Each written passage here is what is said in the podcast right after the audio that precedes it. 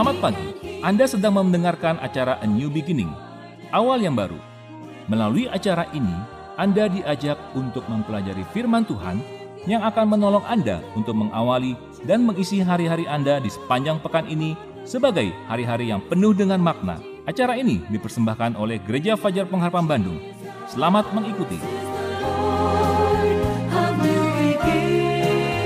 Beberapa waktu yang lampau, saya membaca sebuah artikel yang menyebutkan tentang suatu data yang diterbitkan oleh World Health Organization atau Organisasi Kesehatan Dunia. Dikatakan dalam artikel tersebut bahwa di seluruh dunia ini pada tahun 2015 terdapat 300 juta orang yang terkena depresi, gangguan jiwa. Dari 300 juta eh, dari 300 juta orang tersebut, 800 ribu orang setiap tahunnya bunuh diri. Sedangkan menurut penelitian di Jawa Barat, katanya satu dari sepuluh orang warga Jawa Barat itu depresi. Bahkan dikatakan setiap bulannya itu 1200 orang itu masuk rumah sakit jiwa di Cisarua sana. Karena apa? Karena begitu banyak persoalan, begitu banyak pergumulan, kesulitan yang dialami oleh banyak orang. Dan saya bisa menyimpulkan tidak semua orang atau tidak sedikit orang yang sanggup menahan beban pergumulan, yang sanggup mengalami masa-masa sulit, yang sanggup menang terhadap permasalahan mereka dalam kehidupan mereka. Sehingga karena akibat permasalahan keluarga, eh, masalah pekerjaan, masalah usaha, masalah keuangan, mungkin masalah teman hidup, membuat mereka tidak sanggup menahan semua beban pergumulan mereka dan akhirnya mengalami gangguan jiwa. Mengalami stres dari yang skala ringan sampai mengalami gangguan jiwa. Hilang ingatan dalam taraf yang berat. Tentu ini sangat mengejutkan. Karena dikatakan naik 63 persen warga Jawa Barat yang mengalami hal ini. Saya tidak tahu bagaimana dengan keadaan saudara-saudari yang datang. Mungkin saat ini juga sedang mengalami pergumulan yang berat dalam masalah keluarga, dalam masalah pekerjaan, dalam masalah keuangan, dalam masalah usaha. Mungkin dalam masalah keluarga kita punya masalah dengan suami atau istri, dengan orang tua kita atau dengan anak kita. Dengan menantu atau mertua kita. Kita begitu sulit bahkan bertahun-tahun masalah ini terjadi terus dalam kehidupan kita. Mungkin di dalam masalah usaha. Saya mendengar begitu banyak para pengusaha yang mengalami kesulitan. Omset pada turun, penghasilan pada turun, tidak mencapai target seperti yang diinginkan. Demikian juga dalam pekerjaan. Sulit Pak sekarang mencapai target yang diberikan oleh perusahaan karena situasi ekonomi yang begitu sulit. Dan mulai merasakan stres, mulai merasakan tekanan dari pekerjaan tersebut. Atau mungkin sudah merasa nggak cocok dengan teman-teman di lingkungan pekerja atau dengan atasannya, bosnya. Sehingga mulai mengalami stres dan depresi, ingin keluar tapi susah cari kerjaan yang baru. Tapi kalau tetap bertahan, serasa di neraka tempat pekerjaannya tersebut. Atau mungkin baru diputus pacar. Mungkin baru kehilangan teman hidup, udah punya rencana mau merit dua tahun lagi. Udah ada rencana ingin ikut konseling pranikah, apa daya diputuskan oleh calon pasangan hidup tersebut. Padahal orang tua mungkin sudah tanya kapan kamu mau nikah, kapan kamu mau nikah. Dan ternyata gagal. Begitu banyak persoalan yang bisa melanda hidup kita. Dan memang kalau kita tidak kuat menghadapinya, tentu kita bisa stres kita bisa depresi. Yang membuat akhirnya kita tidak bisa menikmati hidup kita ini lagi. Oleh karena itu mengapa sepanjang bulan September ini kita mau belajar tentang mengenal Tuhan.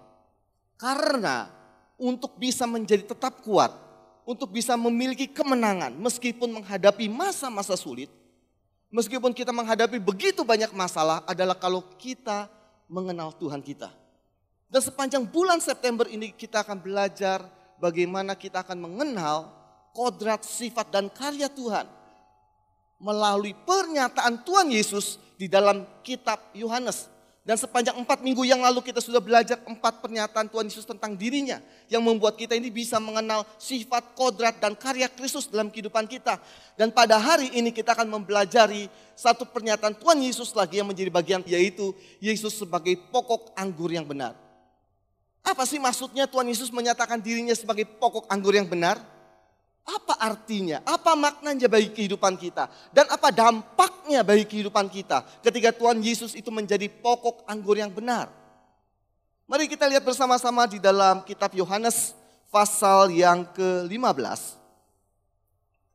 Yohanes pasal yang ke-15 ayat yang pertama sampai yang kelima.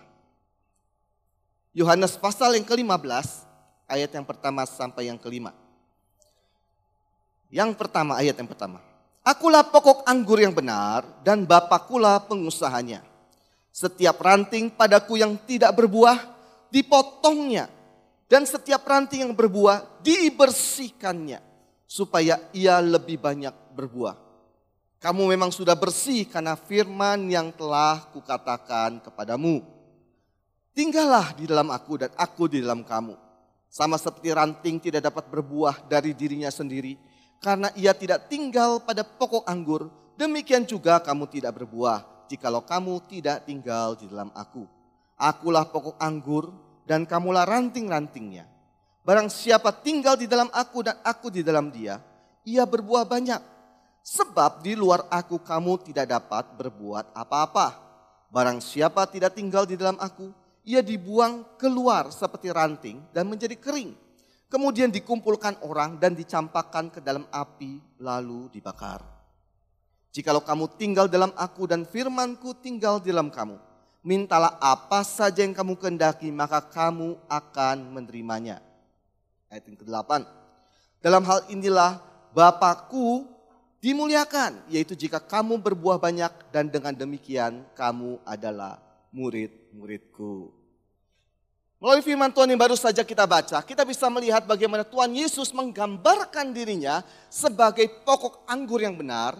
Dan dia menggambarkan kita semua umatnya sebagai ranting-rantingnya. Dikatakan bahwa ranting-ranting ini harus terhubung dengan pokok anggur. Karena kalau ranting-ranting ini tidak terhubung dengan pokok anggur, maka ranting-ranting ini tidak ada manfaatnya atau tidak berfungsi sebagaimana mestinya, yaitu menghasilkan buah. Dengan kata lain, Tuhan Yesus ingin menekankan betapa pentingnya relasi yang harus kita miliki dengan Tuhan. Inilah yang sebenarnya menjadi intisari dari kekristenan, yaitu relasi yang akrab dengan Tuhan Yesus Kristus. Kita sebagai ranting dan Tuhan Yesus sebagai pokok anggur. Di mana ranting sepenuhnya bergantung kepada pokok anggur. Ranting harus terhubung dengan pokok anggur. Kita harus berelasi dengan Tuhan Yesus Kristus. Tanpa relasi yang akrab dengan Tuhan Yesus, sulit bagi kita untuk bisa mengenal Dia.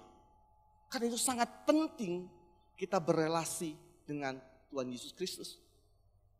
Pentingnya relasi ini diungkapkan oleh Tuhan Yesus dengan kata tinggallah di dalam aku dan aku di dalam kamu. Ungkapan tersebut menggambarkan seakan-akan seolah-olah kita dan Tuhan Yesus itu melebur menjadi satu. Relasi dengan Kristus itu adalah intisari dari kekristenan kita. Tanpa kita memiliki relasi yang sehat dengan Kristus, sulit bagi kita untuk bisa mengenal Tuhan.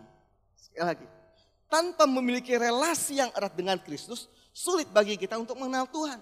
Dan kalau kita sulit untuk mengenal Tuhan, maka tidak mungkin bagi kita untuk bisa tetap kuat, untuk bisa memiliki hidup yang berkemenangan di saat kita mengalami masa-masa sulit, di saat kita mengalami pergumulan berat dalam kehidupan kita. Hal ini tertulis di dalam Daniel pasal yang ke-11 ayat 32b. Firman Tuhan sebagai berikut tertulis. Tetapi umat yang mengenal Allahnya akan tetap kuat dan akan ber, bertindak. Dengan kata lain, apa yang menjadi kekuatan kita? Sehingga kita bisa tetap kuat, bisa memiliki hidup yang berkemenangan, meskipun kita mengalami begitu banyak masalah, begitu banyak persoalan, begitu banyak pergumulan. mengalami masa-masa sulit. Baik dalam keluarga kita, pekerjaan kita, usaha kita, keuangan kita. Apa yang menjadi kunci? Yaitu kalau kita mengenal Tuhan. Inilah kunci supaya kita bisa tetap kuat dan mengalami hidup yang berkemenangan. Tidak menjadi depresi atau stres. Dan kalau kita bicara tentang kata mengenal, kata mengenal itu di dalam bahasa Yunani itu sebenarnya ada dua kata. Tetapi dalam bahasa Indonesia diterjemahkannya itu hanya kata satu kata yaitu mengenal. Tapi dalam bahasa Yunani, bahasa di mana kita perjanjian baru ini ditulis, kata mengenal itu sebenarnya terdapat dua. Kata yang pertama itu adalah gnosis dalam bahasa Yunaninya. Kata gnosis itu memiliki pengertian yaitu pengetahuan yang bersifat kognitif. Pengetahuan yang bersifat dari akal budi. Pengetahuan yang berasal dari yang namanya informasi. Karena kita membaca sesuatu, baca buku mungkin. Karena kita googling di internet. Karena sekarang zamannya jangan kita cari Google, pakai mbah Google untuk mencari apa pun juga. Ya, termasuk juga mungkin kita ikut seminar, ini namanya gnosis, yaitu pengenalan yang bersifat kognitif. Berdasarkan hanya sekedar informasi. Jadi misalnya kita baca koran, waduh bencana, bencana gunung agung, kita bisa tahu semua informasi tentang bencana. Kita bisa tahu semua keadaan pengungsi dari uh, gunung agung itu, walaupun belum meletus. Kita bisa cari itu semua, informasi tentang bencana gunung agung terakhir kapan meletus, apa bahayanya kalau meletus, apa akibatnya dan sebagainya, apa yang dilakukan pemerintah kalau seandainya Gunung Agung meletus. Semua ada semua di televisi, di eh, internet dan sebagainya. Ini gnosis. Tetapi ada kata mengenal yang kedua yaitu epignosis. Epignosis ini adalah pengenalan yang bersifat relasional pengenalan yang melibatkan relasi. Bukan hanya sekedar informasi, tetapi ada relasi. Jadi pengenalan yang bersifat relasional ini tidak bisa hanya sekedar membaca buku. Tidak bisa hanya sekedar googling di internet. Tidak bisa hanya sekedar ikut seminar. Tetapi ada relasi. Sebagai salah satu contoh. Dulu saya melihat uh, bagaimana korban bencana itu dari sisi televisi, dari sisi internet atau baca dari majalah, hanya sekedar itu. Kasihan sih kasihan. Tapi cara pandang saya itu berubah. Ketika tahun 2004-2005, saya diminta atau diperbantukan di gereja ini untuk membantu orang korban tsunami. Ketika saya sampai di, di sana, ada korban tsunami, saya bergaul dengan mereka, mendengarkan keluhan mereka, mendengar cerita mereka bagaimana tsunami terjadi. Wah, sangat berbeda dengan apa yang kita sekedar baca, lihat dari televisi maupun di internet. Karena apa? Di situ ada relasional. Demikian juga dengan mengenal Tuhan. Ketika kita mengenal Tuhan, kita memerlukan keduanya. Baik gnosis, yaitu pengenalan yang bersifat kognitif, maupun pengenalan yang bersifat relasional atau epignosis. Kedua-duanya kita perlukan. Kita perlu merenungkan firman Tuhan. Karena inilah kenapa pengenalan bersifat kognitif kita perlukan. Demikian juga mengapa kita perlu berdoa, mengapa kita perlu memuji Tuhan, mengapa kita memerlukan melakukan firman Tuhan karena inilah pengenalan yang bersifat epignosis. Keduanya itu sangat diperlukan. Pada tahun ini kita akan mempelajari banyak tentang pengenalan yang bersifat kognitif atau gnosis, sedangkan pada tahun yang akan datang kita akan lebih banyak fokus kepada epignosis. Dan kalau kita bicara tentang pentingnya memiliki relasi dengan Tuhan sehingga supaya kita bisa mengenal yang namanya Tuhan dan hidup kita menjadi kuat, kita bisa melihat apakah dampaknya dalam kehidupan kita, apakah akibatnya dalam kehidupan kita ketika kita memiliki relasi yang akrab dengan Tuhan. Dan Tuhan Yesus itu mengutarakannya, menjelaskannya di dalam Yohanes pasal yang ke-15 ayat 1 sampai ke-8 yang baru saja kita baca. Kalau kita melihat bersama-sama, apa dampaknya dalam kehidupan kita kalau kita memiliki relasi yang akrab dengan Tuhan? Yang pertama, yaitu akibat yang pertama dari relasi yang akrab dengan Kristus adalah kehidupan kita ini menjadi tidak sia-sia. melainkan bermakna. Ini dampak yang pertama. Dan Tuhan Yesus itu mengutarakan ini dalam Yohanes pasal yang ke-15 ayat 4 sampai ke-5. Mari kita baca. Yohanes pasal 15 ayat 4 sampai ke-5. Dikatakan demikian. Tinggallah di dalam aku dan aku di dalam kamu. Sama seperti ranting tidak dapat berbuah dan dirinya sendiri. Kalau ia tidak tinggal pada pokok anggur, demikian juga kamu tidak berbuah jikalau kamu tidak tinggal di dalam aku. Ayat yang kelima. Akulah pokok anggur dan kamulah ranting-rantingnya. Barang siapa tinggal dalam aku dan aku di dalam dia, berbuah banyak, sebab di luar aku kamu tidak dapat berbuah apa-apa. Bapak, Ibu, Saudara-saudari, Tuhan Yesus menjelaskan bagaimana keadaan ranting yang tidak terhubung dengan pokok anggur. Dikatakan kalau buah ranting yang tidak terhubung dengan pokok anggur itu tidak menghasilkan apa-apa. Padahal ranting itu ada manfaatnya adalah menghasilkan buah. Nah, sedangkan kalau tidak terhubung dengan pokok anggur, pasti ranting itu tidak berbuah. Bahkan lama-kelamaan ranting ini akan mati. Artinya, kalau seandainya ranting ini tidak terhubung dengan pokok anggur, tidak ada manfaatnya ranting ini. Maka tidak heran dikatakan akhir ranting ini akan dibuang orang dan dibakar. Hal ini juga dicatat di dalam Yehezkiel pasal 15 ayat 1 dengan sampai ke 5. Dalam Yehezkiel pasal 15 ayat 1 sampai ke 5. Lalu datanglah firman Tuhan kepadaku, "Hai anak manusia, apakah kelebihan kayu anggur dari semua kayu yang buahnya seperti anggur yang tumbuh di antara kayu-kayu di hutan? Apakah orang mengambil kayunya untuk membuat sesuatu daripadanya?" ataukah membuat gantungan daripadanya untuk menggantungkan segala macam perkakas padanya? Sungguh kayu itu dilemparkan ke dalam api untuk dibakar. Kedua ujungnya habis dimakan api dan tengah-tengahnya sedang menyala. Bergunakah lagi itu untuk membuat, membuat sesuatu? Lihat, sedangkan waktu ia masih utuh tidak dipakai untuk sesuatu. Apalagi sesudah dimakan api dan terbakar. Apakah masih dapat lagi dipakai untuk sesuatu? Yeskel pasal 15 menggambarkan bahwa Tuhan itu menggambarkan bangsa Israel itu sebagai kayu dari pohon anggur. Sebagai ranting dari pohon anggur. Dan dikatakan bagaimana keadaan Israel pada waktu itu tidak ada bedanya dengan bangsa-bangsa yang lain. Yang bukan pohon, eh, yang bukan pohon anggur tetapi eh, memiliki ranting. Karena apa? Karena bangsa Israel dianggap waktu itu dilihat oleh Tuhan tidak menghasilkan buah. Artinya nggak ada manfaatnya sama sekali. Nggak ada bedanya dengan bangsa-bangsa yang nggak kenal Tuhan.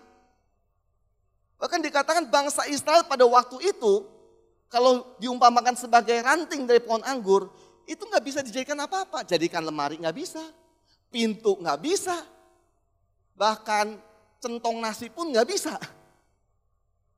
Karena apa? Karena ranting itu fungsinya hanya satu, berbuah. Dan tanpa terhubung dengan pokok anggur, maka ranting itu tidak berbuah dan tidak berguna sama sekali. Bahkan dalam Yeskel ditegaskan, dijadiin gantungan buat peralatan dapur aja juga nggak bisa. Jadi itu gantungan wajan, gantungan panci gitu ya. Gantungan apa pun nggak bisa. Hal ini menunjukkan betapa pentingnya kita memiliki relasi dengan Tuhan. Karena kalau kita tidak memiliki relasi dengan Tuhan, kita sama seperti ranting pohon anggur yang tidak ada gunanya, tidak ada manfaatnya, tidak berarti sama sekali. Hidup kita menjadi tidak bermakna. Hidup kita akan menjadi sia-sia. Saudara-saudari, keberhasilan tanpa relasi dengan Tuhan itu tidak akan membawa kita kepada kebahagiaan yang sejati.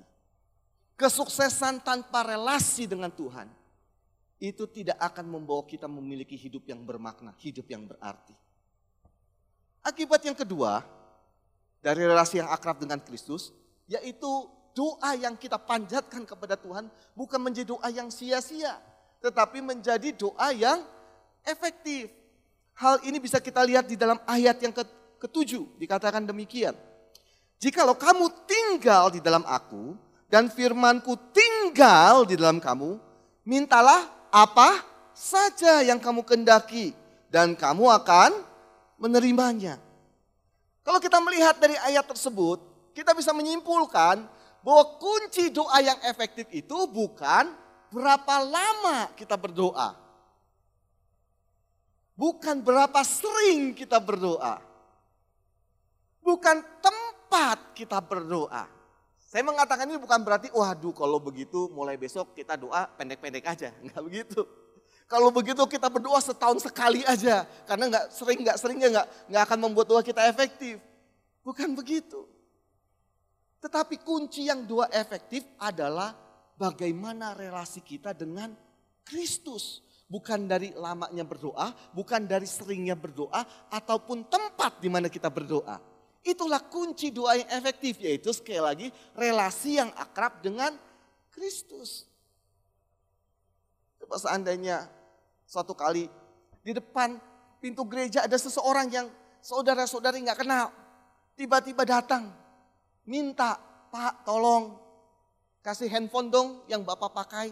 Kayaknya itu iPhone terbaru deh. Boleh nggak? Kira-kira saudara-saudari kasih nggak? Nggak kenal lo ini. Kira-kira kasih nggak? Pasti nggak akan kasih. Nggak akan kasih. Siapa dia kita nggak tahu.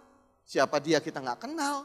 Tiba-tiba kau minta handphone gitu kan. Kenapa? Karena tidak ada, relasi, tidak kenal. Tapi seandainya anak kita yang minta. Anak kita minta, Pak saya butuh handphone. Dan kita tahu anak kita memang memerlukannya. Dan kita tahu kita sanggup memberikan handphone itu. Saya percaya kalau ini anak kita, kita kenal dengan baik, kita pasti akan memberikannya, benar? Benar? Ini juga yang dilakukan oleh seorang ayah. Seorang ayah yang bernama Gordon Hartman. Gordon Hartman ini punya seorang anak, itu yang di tengah, yang namanya Morgan Hartman. Morgan Hartman ini mengalami yang namanya autis, menderita autis. Nah suatu kali ketika si Morgan berumur 12 tahun, dia diajak sama keluarganya ini liburan. Dan di tempat liburan dia itu ada kolam berenang. Di kolam berenang anak-anak biasa banyak anak-anak. Nah Morgan yang waktu itu berumur 12 tahun dan menderita autis, nyemplung ke kolam berenang, mau main sama anak-anak yang ada di kolam berenang. Nah begitu si Morgan ini nyemplung, Anak-anak dalam kolam renang itu nggak mau main sama si Morgan karena autis itu. Morgannya mau main coba. Tapi anak-anak yang lainnya nggak mau. Bahkan bukan itu saja.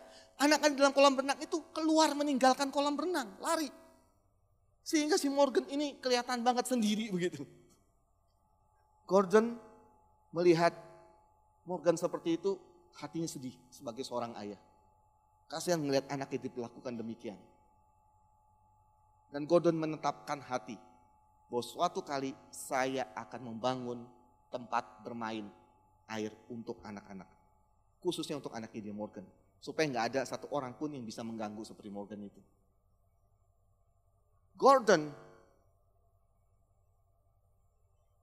menghabiskan hanya 34 juta dolar atau sekitar 450 miliar membangun kawasan bermain air seluas 25 hektar buat anaknya. Dan juga anak-anak yang yang e, mengalami penderitaan yang sama, berkebutuhan khusus supaya mereka bisa bermain di sana tanpa diganggu dan tanpa dikucilkan. Kita bisa lihat bagaimana kalau seorang ayah memiliki relasi kepada anaknya, apa pun diberikan. Coba kalau seandainya kita nggak kenal yang namanya Gordon, minta sama Gordon dibeli, dibelikan apa? Pak beli, uh, bangun saya dong teman bermain, nggak usah 25 hektar. 500 meter persegi aja, kira-kira dikasih nggak? Kira-kira dikasih? Eh siapa kamu gitu kan? Mau ngasih 10 dolar aja juga sayang dia. Tapi kan memiliki relasi, bayangin, bagaikan seorang anak kepada ayahnya. Jangankan 10 dolar, jangankan 1000 dolar, jangankan 1 juta dolar 34 juta dolar pun dia rela. Dia bangunkan tempat bermain buat anaknya. Demikian juga dengan kita. Kalau kita memiliki relasi yang akrab dengan Tuhan. Dikatakan di ayat yang ketujuh. Apa pun yang kamu minta. Apa pun yang kamu minta. Tuhan jawab. Itu karena apa? Karena relasi kita yang akrab. Dengan Tuhan Yesus Kristus. Dengan Tuhan kita. Yang terakhir, akibat dari memiliki relasi yang akrab dengan Tuhan.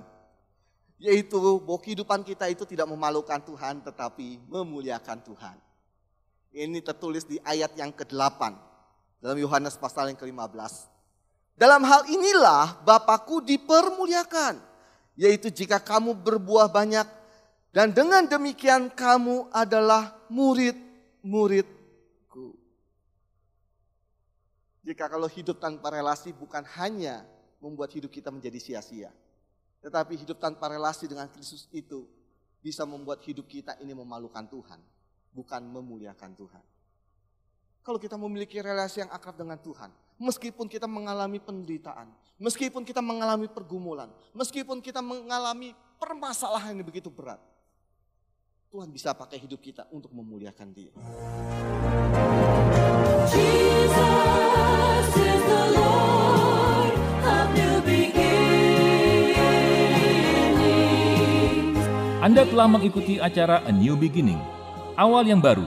Melalui acara ini, anda diajak untuk mempelajari firman Tuhan yang akan menolong Anda untuk mengawali dan mengisi hari-hari Anda di sepanjang pekan ini sebagai hari-hari yang penuh dengan makna. Anda dapat mengikuti acara yang dipersembahkan oleh Gereja Fajar Pengharapan Bandung ini pada pekan depan di hari, waktu, dan gelombang radio yang sama. Tuhan memberkati.